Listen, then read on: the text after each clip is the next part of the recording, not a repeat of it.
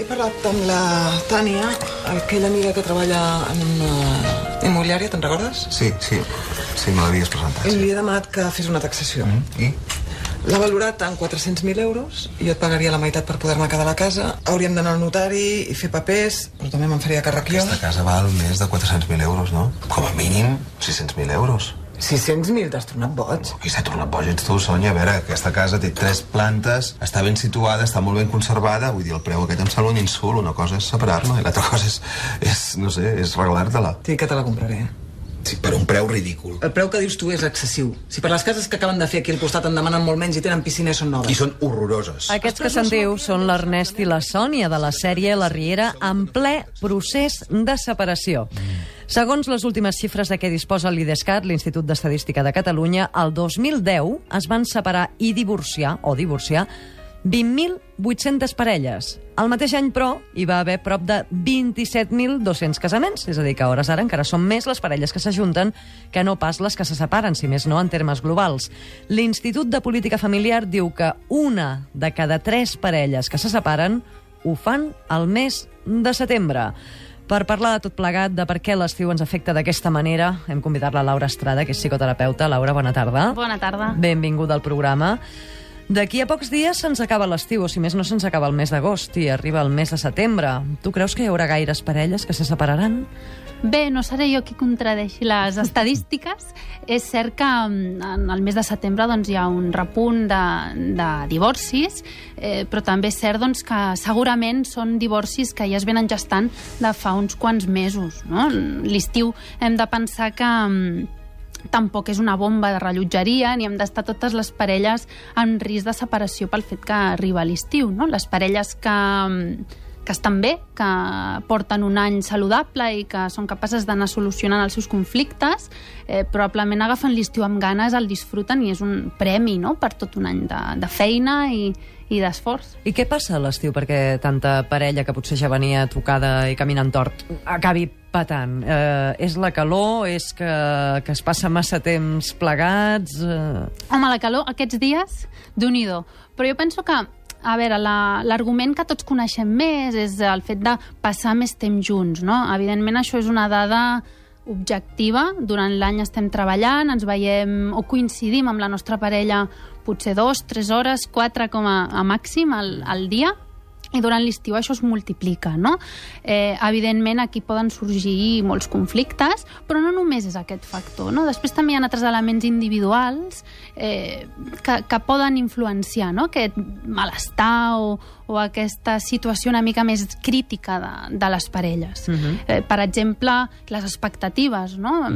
Tots nosaltres dipositem unes il·lusions enormes per, per l'època de, de vacances. Volem fer infinitat de coses eh, i probablement en un mes o els més afortunats un mes, no? altres 15 dies o una setmana inclús no es dona temps. No? Per tant, també això és molt frustrant i pot generar certes dificultats i friccions. Tenir expectatives potser és el primer pas per frustrar-se, no?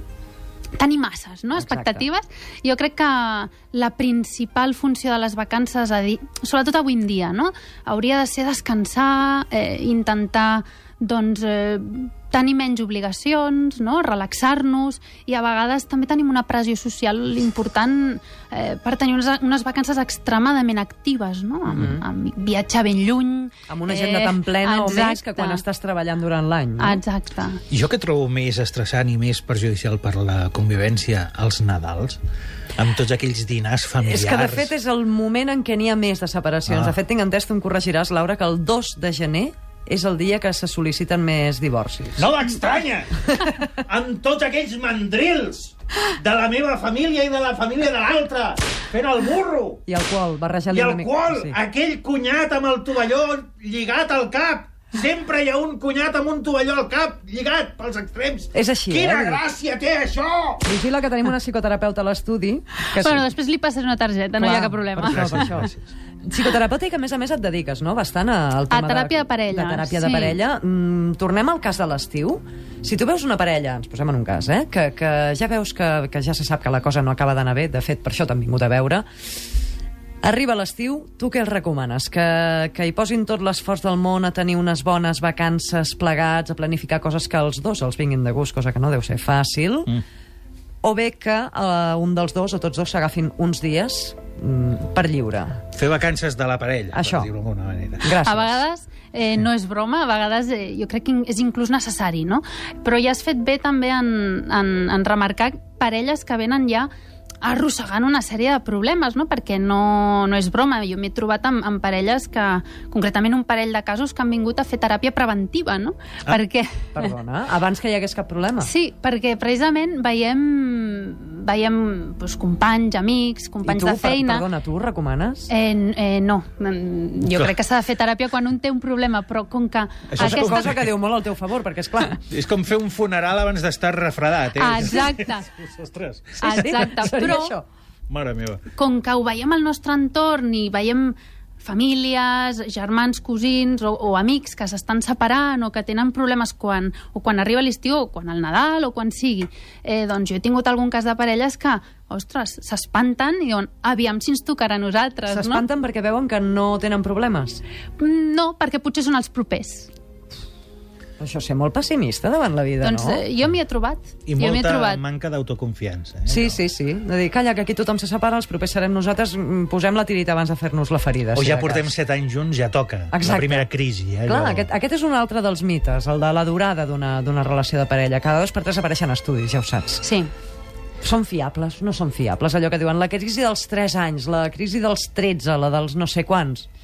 Home, hi ha una part de veritat amb tot això, no? Les parelles, evidentment, pateixen o patim una sèrie de crisis al llarg de, de la nostra història, no? en funció doncs, de diferents variables que no tenen tant a veure amb els anys, sinó amb els aconteixements, no? doncs, eh, com pot ser l'arribada de, de fills, no? o quan els fills marxen de casa, vull dir, diferents etapes i evidentment que ens van acompanyant bueno, doncs una sèrie de problemes, dificultats i es poden transformar en crisis però com amb qualsevol vida individual, no? Doncs a, a la parella passa exactament mm -hmm. igual. Individualment també tenim crisis, no? I tenim dubtes, i tenim pors, i tenim coses, no?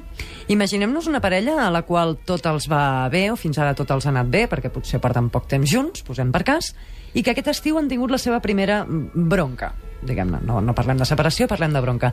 S'han de preocupar pel fet que, que això hagi coincidit amb l'estiu o potser ja tocava i tant li fot que sigui estiu com primavera com, com Setmana Santa? Jo diria que no ens hem de preocupar ni hem de donar tanta importància al moment temporal eh, de quan discuteix una parella, no? Tots els que estem en parella discutim... Quan dic discussió vull dir morros d'uns Sí, dies, eh? Allò... sí. Mm. Sí, o, o inclús eh, doncs, agafar i marxar un cap de setmana, no? Com he comentat abans, em separo durant dos dies de la parella. Eh, que passi a l'estiu pot ser rellevant o no. Jo crec que no hem d'exagerar el fet de, de que succeeixi a l'estiu. Ens veiem més, podem tenir més, més, més friccions, però no ha de derivar ni molt menys en, en divorci. Inclús pot ser un bon moment que estem més relaxats, que estem més disponibles per reflexionar i per solucionar alguns aspectes. Deixeu-me que us expliqui una curiositat, i és que un empresari holandès està estudiant, de moment només està estudiant, la possibilitat d'instal·lar a l'estat espanyol l'hotel Divorci, que funciona a Amsterdam des de fa poc més d'un any.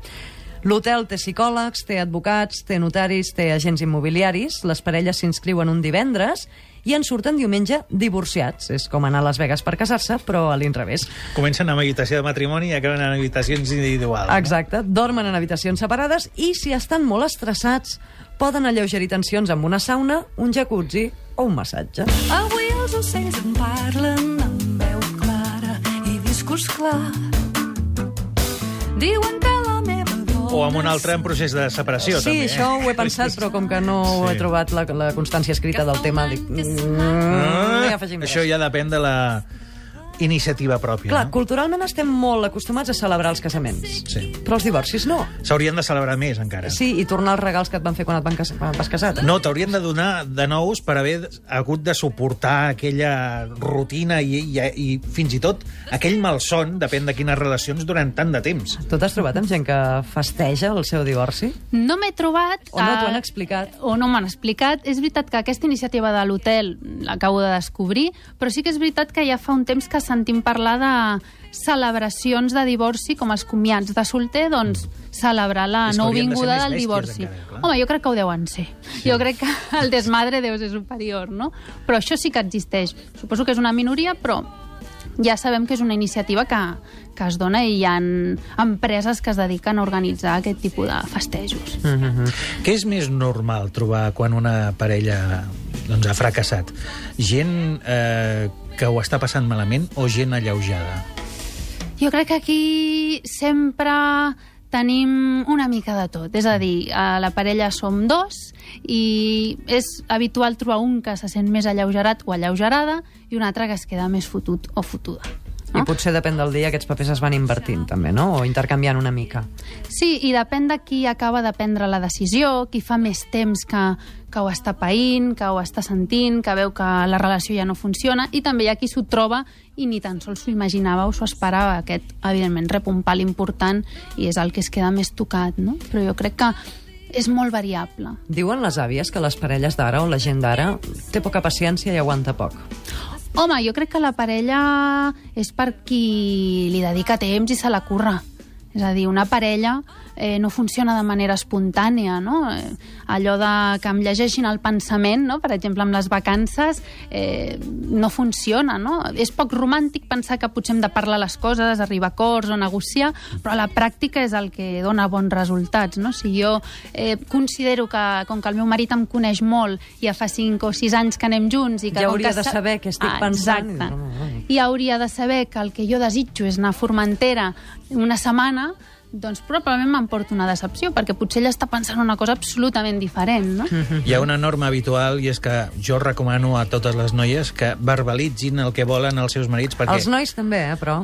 Sí, jo és que sóc molt planer, eh? és a dir, a mi si em dius anem a la platja, anem a la platja. Eh? I no, no tinc per què endevinar-ho, ni llegir-ho, ni tenir telepatia. Bàsicament perquè sóc una persona parlo en, en la meva pròpia Sí, persona, però en la- general s'ha també en els homes. de la en- en els homes. sí. Però parlo també en nom de tots els homes. Som més aviat primitius.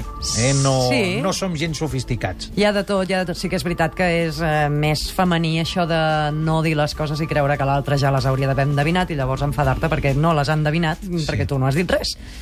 Hi ha falta de comunicació? Per això es trenquen les parelles? O tenen raó les àvies que aguantem poc? Que la gent d'abans tenia més, més capacitat de resistència, de tirar-s'ho tot a l'esquena? Potser també l'esperança de vida era més curta i deies, mira, escolta... I no es podien divorciar, I perquè es- hi havia una també dictadura, era, eh, també això, això també recordem. passava. Bueno, jo crec que més que aguantar, no? que és un terme molt, molt sacrificat, eh, penso que amb la relació de parella el que s'ha de poder és eh, resoldre els conflictes i argumentar, negociar i, i arribar a acords, no? Però aguantar eh, potser tampoc seria no? el, el, el més adequat. Tu que ets terapeuta, mm, suposo que arriba un moment en una relació de parella en què tu, com a, com a professional, ja veus que allò no tindrà solució. En altres casos potser sí. No sé si és fàcil determinar aquest punt de no retorn i encara menys si seria fàcil d'explicar-lo ara per aquí per ràdio en, en res, en dos minuts. No és fàcil, no és fàcil perquè cada cas és molt particular. Sí que és veritat que nosaltres com a terapeutes a vegades ho, ho podem intuir o ens ho pot semblar, però també hem de ser molt prudents, no? Perquè realment trobem parelles que pot semblar que, que estan a punt no? de, de trencar i, i del divorci i potser porten molts anys d'aquesta manera, no? I eh, és molt delicat eh, introduir aquest aspecte dins la, la parella. Per tant, eh, bueno, jo crec que és important treballar la comunicació i que la parella realment eh, tingui aquesta última aposta. Mhm. no? Sí que trobes parelles que, que amb tot el que expliquen eh, no hi ha res recuperable, no? Ja. I que realment verbalitzen que no aguanten a la persona que potser tenen al costat. Home, són situacions que com a mínim generen una alerta, no? Mhm. Però és molt delicat perquè cada parella realment és, és un univers. Eh, jo sóc molt conscient que hi ha amors d'una vida i d'un segon. Sí, I entremig hi ha tota una immensa gamma de durades, no? Però potser la majoria de la gent, mm, suposo que per culpa de les pel·lícules de Hollywood, pensem que l'amor ha de durar sempre. Ha de ser definitiu. Sí, han fet ser molt mal les pel·lícules. Molt mal, no? Eh, tenim una idea doncs això, idealitzada del que és l'amor, la, la vida en parella, o som cada vegada més realistes? Jo crec que estem confosos una mica amb el que és la vida en parella, el que és l'amor i el que és l'enamorament. No? L'enamorament sí que també hi ha moltes estadístiques i diuen que dura entre dos i quatre anys aproximadament i la parella hi ha també alguns que diuen que és allò que comença quan s'acaba l'enamorament, precisament. No? Doncs perquè en l'etapa d'enamorament tot va sol, no? És, eh, jo em veig reflectida amb els seus ulls, Sí, sí, tot les és... endorfines fan la seva Exacte, feina i no? tu ja- I tot és fàcil, sí. però realment quan això s'acaba és quan s'han de posar les cartes sobre la taula i on s'ha de treballar i comença una possible parella, no? Però tampoc penso que s'hagin de valorar les relacions per al que duren. No? Jo crec que s'han de gaudir, durin, com tu deies, no? doncs, tres setmanes o 13 anys. No? Ho dèiem en començar que una de cada tres parelles que se separen ho fan al mes de setembre, és a dir, tornant les vacances, però l'estiu també és un moment que se'n formen de noves. Per tant, escolta'm, traiem ous d'una cistella i posem ous en una altra cistella. Laura Estrada, psicoterapeuta, escolta'm, espero eh, pel teu bé que aquest setembre tinguis molta feina, però pel bé de les parelles que no en tinguis tanta. És un equilibri també molt difícil de trobar, com el de les relacions de parella. Moltes gràcies, Laura. A vosaltres, moltes gràcies.